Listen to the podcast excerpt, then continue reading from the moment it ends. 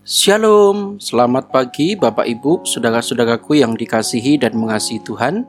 Bagaimana kabar saudara hari ini? Saya percaya kita semua di dalam perlindungan dan penyertaan Tuhan.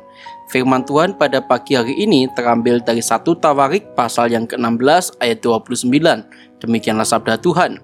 Berilah kepada Tuhan kemuliaan namanya, bawalah persembahan dan masuklah menghadap dia sujudlah menyembah kepada Tuhan dan perhiaskan kekudusan.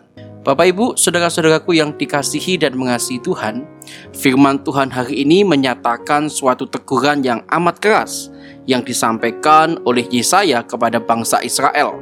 Kalau kita membaca di dalam Yesaya pasal 29 ayat yang ke-13 dan 14. Mereka pada waktu itu yaitu bangsa Israel rajin beribadah kepada Tuhan dengan pujian dan nyanyian yang luar biasa yang keluar dari bibirnya. Tetapi mereka tidak berkenan di hati Tuhan. Ternyata Bapak Ibu, setiap nyanyian yang mereka lakukan dan pujikan kepada Allah hanyalah sebuah hafalan dan formalitas belaka. Dalam ayat tersebut, Tuhan katakan bahwa hati bangsa Israel sudah jauh dari Tuhan. Memang mereka terlihat begitu antusias memuliakan Allah dengan bibirnya, terlihat begitu sukacita dalam pertemuan ibadah, tetapi hatinya tidak sungguh-sungguh pada Tuhan.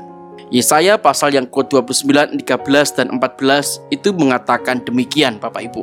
Oleh karena bangsa ini datang mendekat dengan mulutnya dan memuliakan aku dengan bibirnya, padahal hatinya menjauh daripadaku dan ibadahnya kepadaku hanyalah perintah manusia yang dihafalkan. Saudara-saudaraku yang dikasih dan mengasihi Tuhan, hal serupa dinyatakan oleh Tuhan Yesus. Hai orang-orang munafik, benarlah nubuat Yesaya tentang kamu. Bangsa ini memuliakan aku dengan bibirnya, padahal hatinya jauh daripadaku. Tertulis di dalam Matius pasal yang ke-15 ayat 7 dan 9. Saudara-saudara, apa yang tertulis dalam kitab Yesaya dan Matius seharusnya menjadi bahan refleksi buat kita.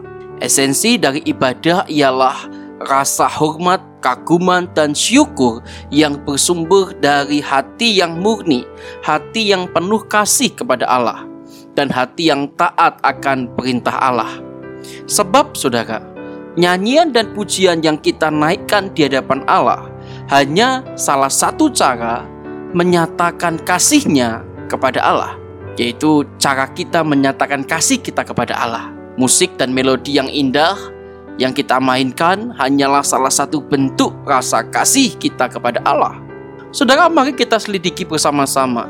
Mungkin kita pernah memuliakan, menyembah Tuhan, menyanyi dengan semangat yang begitu membara, namun tidak dengan hati yang murni kepadanya.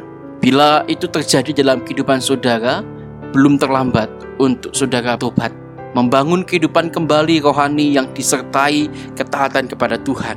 Itu jauh lebih baik. Mari saudara-saudaraku, kita nyatakan rasa kasih kita kepada Tuhan melalui pujian dan penyembahan dengan hati yang tulus mengasihi Tuhan.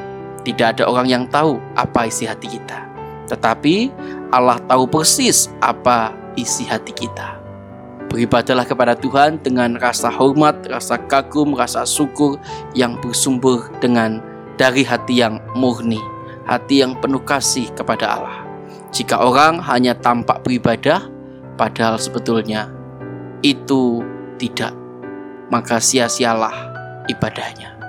Hati-hati saudara, biarlah refleksi ini menolong saudara untuk semakin boleh dekat dengan Tuhan dengan hati yang benar-benar taat kepada Tuhan. Kita berdoa. Tuhan, terima kasih untuk kebenaran firman yang kami dengarkan pada pagi hari ini. Ampuni kami jika selama ini kami tidak sungguh-sungguh mengasihimu. Ajarlah kami untuk selalu mengutamakan Engkau dalam kehidupan kami. Roh Kudusmu menolong kami ya Tuhan, agar kami selalu punya hati yang murni dan mengasihimu. Kami serahkan ya Papa untuk segala aktivitas kami sepanjang hari ini kiranya Tuhan boleh memberkati dan boleh menyertai. Terpujilah Tuhan, demi Yesus Kristus kami berdoa. Amin. Selamat pagi Bapak Ibu, selamat beraktivitas, stay safe, stay healthy, stay worship and God bless you.